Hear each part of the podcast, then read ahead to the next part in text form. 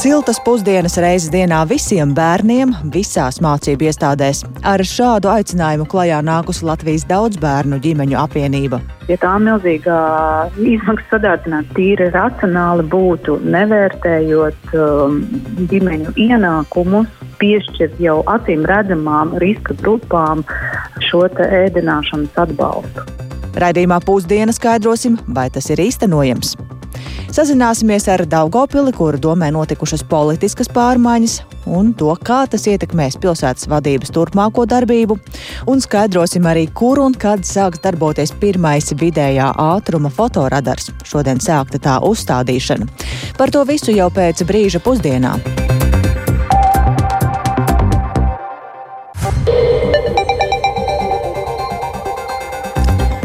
12,5 minūtes laiks raidījumam pusdiena, skaidrojot plašāk šīs piekdienas, 27. janvāra notikumus.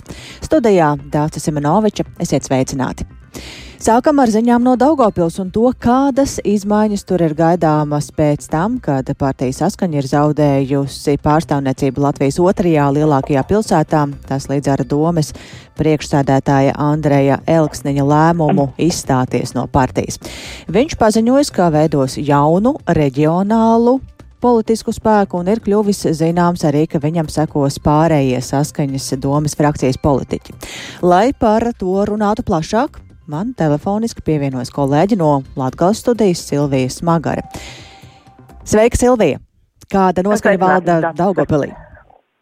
Nu, es sākšu ar to, ka Dāngātos uh, mērs Andrēs Augsniņš paziņojot par to, ka izstājas no partijas saskaņa, nav radījis lielu ažiotāžu savā ziņā, jo tas būtībā nav nekas jauns, jo pirmo reizi sociālajos tīklos Elksniņš par to ieminējās pirms uh, trim gadiem. Tas bija 2020. gada marts, um, tad viņš norādīja, ka galvaspilsēta arvien vairāk attālinās no reģioniem un ka ir jāveido reģionālu platformu, kas varētu aizstāvēt Latgales intereses valsts līmenī. Uh, bet partijas saskaņas iekšienē nesaskaņas starp nu, šī politiskā spēka vadību un Dāngāpos mēru uh, Vēl krasāk sācinājās pēc pēr notikušajām saimas vēlēšanām. Kā zināms, saskaņas jaunajā parlamentā nav, bet šī sakāra vēlēšanās, kā saka Andrēs Elksniņš, saskaņē nekļuva par augstu dušu, kas liktu partiju atsvaidzināties. Toreiz Elksniņš salīdzināja saskaņu ar lielu runci, kuram blakus ir krējuma bļoda un kurš pieredzis, ka vēlētājs vienmēr iet līdzi. Tad sekoja Dāngāpos mēra Elksņa izteikumi par Krimu, kas vēl vairāk nokaitēja attiecības ar politisko spēku, un novembrī jau partijas līderis Jānis Urbanovičs publiski aicina Elksņu no saskaņas izstāties. Sakot toreiz, ka te jau visi vaģi ir pilni, ja Kriemeļa sāk kustēties un ja formalitātes viņš nokārtos, es domāju, ka šķiršanās neizbēgama būs. No šīs šķiršanās no saskaņas ar vakardienas Andrē Elksņa paziņojumu par izstāšanos no partijas ir notikusi. Uh, turklāt par lēmumu, kā jūs minējāt, uh, no saskaņas pieņēmuši arī visi pārējie septiņi mm, šīs partijas Dāngāpus domas frakcijas politiķi. Uh, rādi apliecina saskaņas ievēlētais deputāts Mihāls Lavrenovs, un viņš uzsver, ka šis lēmums nekād neietekmēs domas darbu, varas koalīcijas un mēra krēsla stabilitāti. Klausāmies Lavrenovas sacīto. Nē, nē, nekāda līdzīga. Visi, kas mūsu frakcijas biedri Daugavpils pilsētas pašvaldība atbalsta mēra pozīciju. Tas ir pirmais. Otrais, par to es jau sen biju domājis, vērtēju šo lēmumu kā pozitīvu. Saskaņai ir nepieciešamas pārmaiņas. Šobrīd mēs domājam par reģionālas partijas izveidošanu. Mums vairs neinteresē liela politika. Ja runā par Daugāplī, tad šobrīd pilsētas domē jauno potenciālo spēku pārstāvēs septiņi bijušie saskaņieši. No kopumā domā esošiem 15 deputātiem. Drošu atbalstu astoto, jeb zelta balsi Andrijam Elksniņam mēra krēslā šobrīd nodrošina koalīcijas partneris no Latvijas Krievas Savienības. Tas Aleksējs Vasiljevs, kurš Dāngāpus domē priekšdedē pirmais vietnieks. Un viņš šodien rādījos saka, ka strādā ar cilvēku nevis politisko partiju. Un tādā ziņā apliecina, ka turpmāk arī būs šī sadarbība. Domas opozīcija arī šobrīd nesaskata draudus varas maiņa un mēra krēsla stabilitātei Dāngāpulī. Sakot, ka to varēs ietekmēt viena domas turpmākā sadarbība ar valdību. Paldies, Silvija! Tik tālu Silvijas Magare par gaidāmajām pārmaiņām Daugopilī un izskatās, ka pagaidām tā tad um, tur domas vadība nemainīsies. Bet, ja par pašu partiju saskaņa, tad tās atgriešanos lielajā politikā, kā parlamentārai partijai, pat labāk nevar prognozēt. Tā šorīt intervijā mūsu kolēģim Laurim Zvejniekam sacīja politoloģe Ilga Kreituse. Viņas ieskatā notiek partijas sabrukums, kas ir sācies jau agrāk un turpina Kreituse šī partija iet uz savu galu, un lielā mērā viņas eksistence vēl šos četrus gadus līdz nākamām saimnes vēlēšanām nodrošinās valsts finansējums, ko partija saņems no valsts budžeta, kas ļaus atsevišķiem biedriem vēl turpināt it kā partijas uzturēšanu, lai varētu veiksmīgi šo naudu tērēt. Politiski iespējama atgriešanos lielajā spēlē un atgriešanos Latvijas politiskajā areālā kā parlamentāra partija man šķiet šķiet, tas jautājums ir izsmelts, un ar to tas ir beidzies. Partijas sabrukums nesākās jau tagad. Partijas sabrukums sākās Rīgas domē, kad notika tas, no kā vienmēr baida politiskie teorētiķi, kas saka, ka ja jūs meklējat dalot pozīcijā opozīcijā, tad vispirms noskaidrojiet, vai bīstamākā opozīcija nav tā, kas ir jūsu pašu partijas iekšienē, pirms jūs cīnaties ar kādu citu partiju. Saskaņa neņēma to vērā un uzskatīja, ka tādu skaldu un valdu metodi, ja tu runā man pretī, kā Ušako kungs gāja, tad mēs sākam šīs sarunas par tavu novirzīšanu nost vai izslēgšanu, neizvērtējot situāciju, ka tas var novest pie tālāk partijas sabrukuma uzbrukumu. Un tas, kas šodien notiek, tas ir pilnīgi loģiski, un šeit nav nekādu pārsteigumu, ka tā būs skaistas runas, skaista runāšana par vienotību savās rindās un par attīrīšanos un tādām lietām, bet tie visparastākie parametri, kas nosaka, ka partija tuvojās savas eksistences beigām. Bet vai nevarētu partija glābt kāda zvaigzne, varbūt kādu citu lokomotīvu? Nu, tas šodien vairs nespēlē, bet ir vēl viena lieta. Es domāju, ka jau pats faktors parādījās, ka Bataševičs kungs, Elksniņa kungs aizgāja uz pašvaldībām. Tas parāda, ka šie cilvēki jau no partijas iekšienes noteica to, kur būs tie spēka punkti, kuri viņu iespējamie spēka punkti, redzot, ka tas valstiskais ir pagājis nost un nav jau ko vilkt ārā tādu, ar ko varētu piesaistīt jaunu vēlētāju. Dzirdējām politoloģu Ilgu Kreitusi, bet par šo laiku man studijā ir pievienojis Jānis Kīncis, lai runātu par galvaspilsētas attīstību. Proti, ar likuma grozījumiem saimā jau tuvāko nedēļu laikā plāno atbloķēt apturēto Rīgas attīstības plānu. Un tas ir būtiski investoru uzticības atjaunošanai, tā vismaz uzsver Rīgas vicemērs Vilnis Čirsis no jaunās vienotības. Vienlaikus arī Tieslietu ministrija lēmumu par Rīgas attīstības plānu apturēšanu ir atzinusi kā nesamērīgu. Jāni, kādi turpmākie notikumi šajā jautājumā? Jā, sveika, Dārts, sveicināti klausītāji. Saimā ar gandrīz visu frakciju pārstāvju parakstiem iesniegtie likuma grozījumi paredz divu Rīgas teritorijas plānu izmantošanu, gan esošo Rīgas vēsturiskā centra un tā aizsardzības zonas plānojumu, gan arī desmit gadus tapušo un pērn martā apturēto kopējo Rīgas attīstības plānu. Atgādināšu, ka šis dokuments paredzēja arī liegumu visā Rīgā atrasties spēļu zālēm un um, toreizējā reģionālās attīstības ministra attīstībai par pārstāvja Artūra Toma Pleša ieskatā šādu aizliegumu varētu noteikt ne visai pašvaldības teritorijai kopumā, bet kādām konkrētām vietām. Šis bija viens no ieganstiem apturēt visa šī plāna darbību. Savukārt tagad ar likuma grozījumiem tiesa uz kādu nepieciešamību pirms gadu, gandrīz gada norādīja arī Plešs. Šo Rīgas attīstības plānu varēs iedzīvināt visai drīz, un tas eh, ir nepieciešams investoru uzticības atjaunošanai. To sarunā Latvijas radio atzina Rīgas vicemērs Vilnis Čirsis no jaunās vienotības. Tas, uz ko mēs ejam, ir, kad nedēļu vai divu nedēļu laikā Rīga iegūs strādājošu teritorijas plānojumu. Pavisam noteikti Rīga ir uz gadu zaudējusi attīstību. Kādā naudā to novērtēt, to ir, to ir grūti, jā, jo viens ir kaut kādas neveiktās investīcijas, kuras pēc nekustamā īpašuma alianses aplēsēm ir vairāk desmit miljoni, bet vēl ir naudā grūti izmērāms ir uzticības faktors pašvaldībā, jā, jo daudz sevišķi kaut kāds ārzemju kompānijas, viņas nu, sāk tā no šķība skatīties, uz, ja rodās kaut kādi procesi, kurus viņi neizprot līdz galam. Tas var atturēt no tādas uzticības pilsētai un vispār ieguldīšanas šeit jebkādu. Jāatgādina, ka Rīgas doma saistībā ar iepriekšējā varam ministra lēmumu vērsās satversmes tiesā, un pēc tiesas lūguma Tieslietu ministrija ir sniegusi analīzi, kurā piekrīt Rīgas pašvaldības vērtējumam, ka apstrīdētais akts būtiski kavē Rīgas kā valsts galvaspilsētas ilgtermiņa attīstību, un uh, tā nav iespējama bez spēkā esoša un mūsdienīga teritorijas plānojuma, un šī situācija ietekmē Rīgas ekonomisko attīstību un arī budžetu. Tieslietu ministrijas vērtējumā Rīgas attīstības plāna pilnīga apturēšana likumdošana ir nesamērīga un neatbilst satversmei un Eiropas vietējo pašvaldību hartai. Vienlaikus tagadējais vides aizsardzības un reģionālās attīstības ministrs Māris Sprindžuks no apvienotā saraksta ir aicinājis pārvērtēt ministra individuālas pilnvaras tik būtisku normatīvo aktu ierobežošanā. Tam piekrīt arī saimnes deputāts un Latvijas Lielo pilsētu asociācijas izpildu direktors Viktors Valainis. Viņš ir iesniegto likumu grozījumu parakstītāju lokā un piekrīt, ka šādus jautājumus ir jāvērtē valdībai. Paklausīsimies arī viņa teikto. Ja tas ir um, no nu, valdības apstiprināts dokuments, tam tomēr ir daudz lielāks šis izvērtējums un arī daudz plašāks iesaistīto cilvēku lokus, kas izslēdz subjektīvas kaut kādu iespēju interesu lobby, kas šajā gadījumā bija visnotaļ uh, izteikts vismaz publiskajā telpā, bet ļoti daudz informācijas.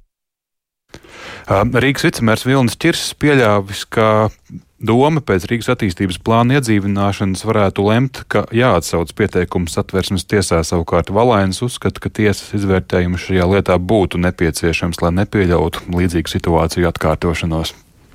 Paldies Jānim Kīncim. Tātad iecerēts, ka Rīga nedēļas vai divu laikā varētu iegūt strādājošu teritorijas plānojumu.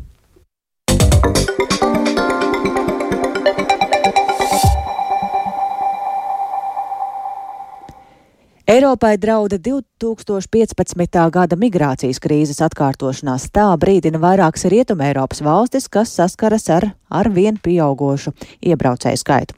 Vairums no viņiem ierodas caur Rietumu Balkānu valstīm, tādēļ tagad viens no centrālajiem jautājumiem ir, kā uzlabot to cilvēku atgriešanu mājās, kam Eiropā ir atteikts patvērums, un par to vairāk stāsta mūsu Briseles korespondents Arčams Konohaus. Migrācija ir atgriezusies Eiropas Savienības dienas kārtībā. Bloka iekšlietu ministra šonadēļ Stokholmā sprieda, kā pātrināt darbu pie jaunās migrācijas sistēmas izveides un arī uzlabot cilvēku atgriešanu mītnes zemēs. Eiropas Savienības iekšlieta komisāra Ilva Johansone saka, ka daudzi iebraucēji izmet savu pasi, lai viņus būtu grūtāk aizsūtīt mājās.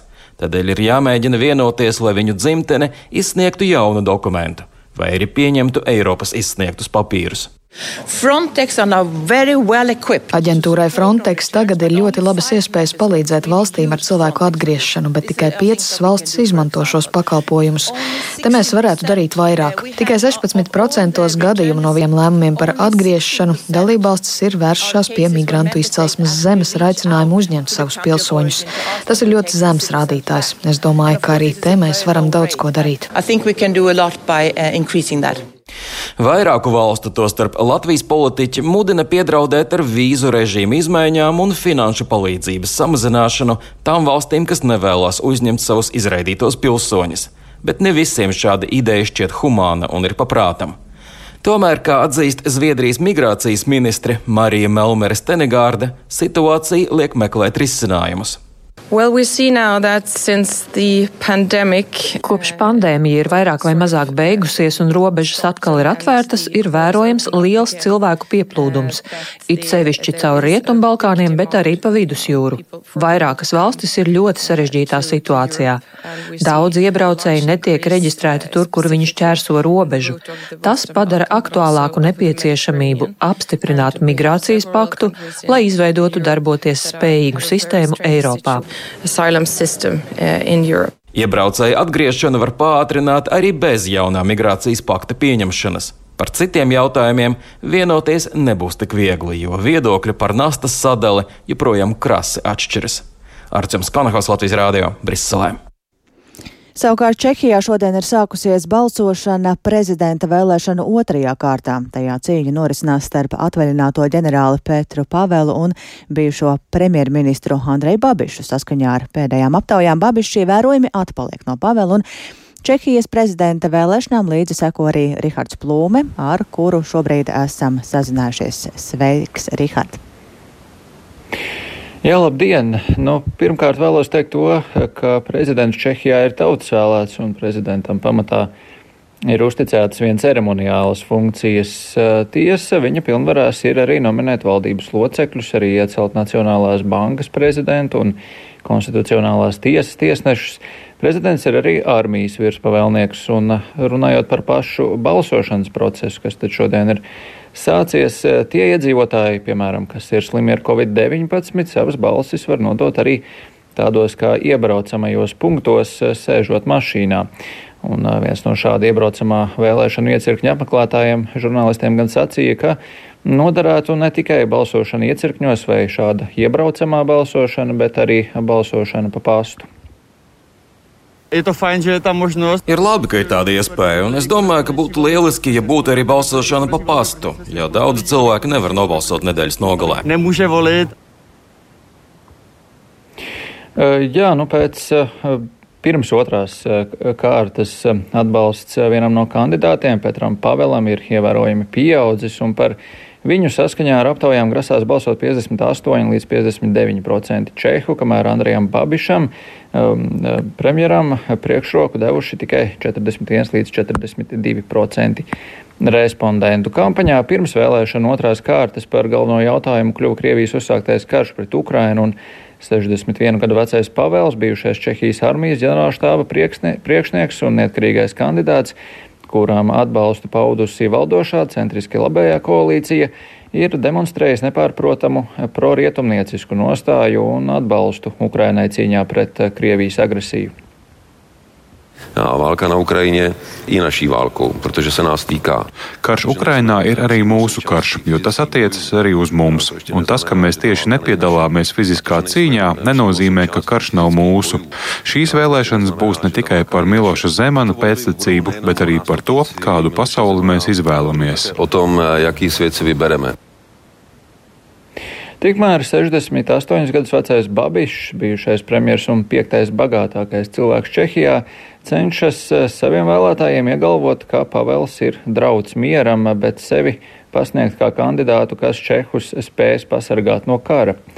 Otrās kārtas uzvarētājs nomainīs prezidenta amatā Milošu Zemanu, kas, līdz, kas atbalsta Babišu un līdz Krievijas atkārtotajam iebrukumam Ukrainā centās veidot ciešākas attiecības ar Maskavu un arī Pekinu. Balsošana vēlēšana otrajā kārtā turpināsies līdz sestdienas pēcpusdienai, un rezultāti būs zināmi jau tajā pašā dienā. Paldies, tik tālu Rihards Plūme par vēlēšanām Čehijā, bet mēs atgriežamies pašmājās. Siltas pusdienas reizi dienā ir jānodrošina visiem bērniem visās mācību iestādēs, neatkarīgi no ģimenes rocības vai sociālā statusa. Ar šādu aicinājumu klajā nākusi Latvijas daudzbērnu ģimeņu apvienība un Pašlaik par valsts naudu skolās var pāriest 1-4 klašu audzēkņi, bet pārējo skolēnu ēdināšanas ir katras pašvaldības ziņā. Vairāk par šo jautājumu ir interesējusies Zāne Eniņa, kura man pievienojas studijā. Sveika, Zana, kāpēc šobrīd ir šis aicinājums kaut ko mainīt? Nu, organizāciju eh, daudzbērnu ģimeņu apvienību uz to ir pamudinājis tas, ka eh, dzīve ir ļoti sadārdzinājusies, un šis sadārdzinājums pat labam skar ne tikai cilvēks ar zemiem ienākumiem, bet arī daudzas ģimenes, kuras līdz šim sevi varējuši uzskatīt nu, par tādām turīgām. Un paklausīsimies, ko teica Latvijas daudzbērnu ģimeņu apvienības vadītāja Nacionālās apvienības biedra Elīna Treja šī brīža situācijā gandrīz ne ģimenes spēja īsti izsekot līdzi ja, visiem sadādzinājumiem un visām iespējām lūgt palīdzību individuāli. Ne arī patiesībā pašvaldības spēja individuālo iesniegumus pēc palīdzības saulēcīgi izskatīt. Tādējādi es teiktu, pie tā milzīgā izmaksu sadārdzinātā skaitā arī pārtikai un arī nu, nenoliedzami ēdināšanas izmaksas skolās ir sadārdzinājušās. Man liekas, ka tīri racionāli būtu nevērtējot um, ģimeņu ienākumus, piešķirt jau acīm redzamām riska grupām šo ēdināšanas atbalstu. Elīna Treja aicina arī pašvaldības netērēt laiku un resursus sašķirojot ģimenes maznodrošinātās, trūcīgās vai vēl pēc kādiem citiem parametriem, bet gan paēdināt visus bērnus. Un ir pašvaldības, kuras tā arī ir darījušas. Piemēram, Balvu novadā izlēma cēdināt visus bērnus, jo izrādījās, ka tādu ģimeņu, kurām nekādi atvieglojumi nepienāks, vispār ir ļoti maz. Stāsta Balvu novada pašvaldības priekšsēdētājs Latgals partijas biedrs Sergejs Maksīmovs. Mēs secinājām, ka tā sadaļa, kuri nesaņem brīvpusdienas, jā, bija ļoti maza un pēc būtības, mūsuprāt, netaisnīga. Kāpēc? Tāpēc, ka šobrīd eh, tās ģimenes, kuri vīrs un sieva strādā un cenšas rūpēties par savu ģimeni, tā izskaita arī daudzbērnu ģimenes, kur to plāno būt eh, par daudzbērnu ģimenēm, viņiem nesaņem šo atbalstu. Un patiesībā Mums ir dažādi atbalstu īsvecīgi grūtībās nonākušo palīdzību trūcīgiem invalīdiem, jā, bet tiem cilvēkiem, kuri ikdienā cenšas parūpēties par sevi un par savu ģimeni, mums nav tādu atbalstu. Šo bērnu ēdināšana ir viens no instrumentiem, kā mēs varam atbalstīt šīs ģimenes. Jā, tas bija balvu novada vadītājs, bet nu, situācija dažādās pašvaldībās ir ļoti atšķirīga. Kā noskaidrojas daudz bērnu ģimeņu apvienība, tas vai kādu vietu var izlemj piešķirt brīvpusdienas visiem bērniem vai nē, pat nav atkarīgs no tā, vai to uzskata par turīgu un bagātu pašvaldību vai nē. Ir tā kopējā aina, zinām, cik daudz pašvaldību nodrošina brīvpusdienas? Um, daudz bērnu ģimeņu apvienība ir apkopojusi pašvaldības sniegto informāciju par to, kuras apmaksā ēdināšanu daudz bērnu ģimeņu bērniem. Un tā situācija ir diezgan atšķirīga. Kāda apmaksā pilnā apmērā, cita 80%, vēl kāda. 50%, uh, bet citas izvēlas paēdināt tikai trūcīgo vai maznodrošināto ģimeņu bērnus. Paldies, tev, Zāne. Tātad par to arī runāsim plašāk raidījumā pēcpusdienam. Un eh, raidījuma pusdienu noslēgumā vēl par to, ka šodien uz Rīgas apveceļa sāk ierīkot pirmo vidējā ātruma kontrolas sistēmas posmu. Kad tas sāks darbu un ar ko jārēķinās autovadītājiem, to vaicāsim Latvijas valsts ceļu pārstāvēji Hannai Kononovai. Labdien! Labdien! Kur un ko tieši šodien sāk darīt un kad sāks darboties šis ātruma posms? E, šogad kopumā 16 posmos visā valstī uz valsts autoceļiem tiks ieviesta vidēja ātruma kontrolas sistēma, kas nozīmē, ka katra posma galā stāv radars un izmēra e, to vidējo ātrumu, ar kuru katrs autobraucējs e, ir izbraucis šajā posmā. Pirmais šāds posms sāks darboties uz Rīgas apceļa uz Babītas virzienā, Un šodien tur ir uzsākti būvdarbi. Tie nebūs tādi plaši būvdarbi, kā tas notiek ceļu remontdarbu vai būvdarbu laikā. Tad, tad tur uh, varbūt uh, autobraucēji pat nemanīs, kā tie darbi tur notiek, bet uh, plānots, ka marta sākumā šajā posmā jau šī sistēma darbosies. Tātad autovadītājiem būs jārēķinās ar to, ka mūs vairāk kontrolēs. Tā tad satiksme, satiksme tas neierobežos šie būvdarbi. Nē, satiksmi šie būvdarbi neierobežos. Tīri praktiski, kāds ir tas darbības princips un mērķis šādiem ātrumposmiem?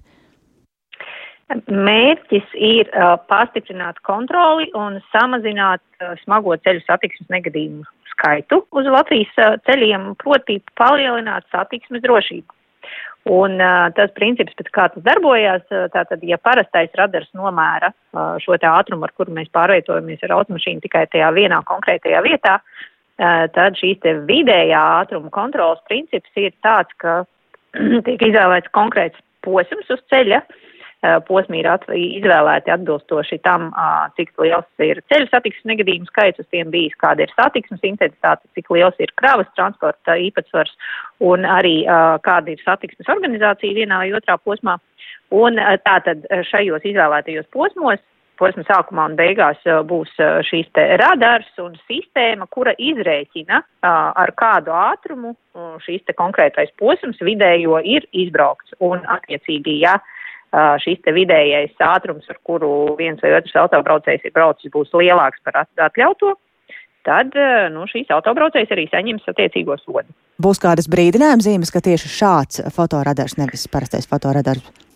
Jā, būs fotoradaru zīmes. Jūs jau minējāt, ka ir 16 posmi, kas būs. Um, kā ir izvēlēts tās vietas, kur tos izvietot? Jā, kā jau es minēju, izvēlēts ir ņemot vērā to, kāda ir ceļu satiksmes negadījumu statistika, arī kāda ir kopējā satiksmes intensitāte un krāvas transporta īpatsvars šajā, šajā, šajā satiksmē, kā arī kāda ir satiksmes organizācija, vai tur ir aizlieguma apdīti, cik daudz ir pieslēgumu, vai ir kreisie pagriezieni un tam līdzīgi. Un aptuveni cik gari ir šie posmi? Viņi, nu, viņi ir ap, ap 10 km gari, jā, viņi, protams, atšķirās nedaudz, bet apmēram tāds garums ir. Un kurās vietās Latvijā visvairāk, ja mēs tā par reģioniem varam pateikt vēl? Nu, grūti pateikt, diezgan vienmērīgi visā valsts teritorijā. Pierīgā drusku vairāk. Tātad uzmanīgiem ir jābūt visā Latvijā. Paldies, dzirdējām Latvijas valsts ceļu pārstāvi Annu Kononovu. Un ar šo ziņu arī izskan raidījums pusdiena producente Ilze Agīnta, ierakstus montēja Uldis Grīnbergs, par labskaņu rūpējās īvietas zvejniece ar jums sarunājās Dāce Simenoviča. Vēl īsi par svarīgāko Daugopilī saskaņas deputātiem atstājot partiju opozīciju pašlaik neredz iespēju mainīt domes vadību. Eiropā krasi pieauga migrantu skaits, un uh, daudz bērnu ģimeņa apvienība aicina visiem bērniem skolās nodrošināt bezmaksas pusdienas. Mūsu ziņām var sekot līdzi arī sociālajos tīklos, tāpat arī esam atrodami raidierakstos un Latvijas radio mobilajā lietotnē.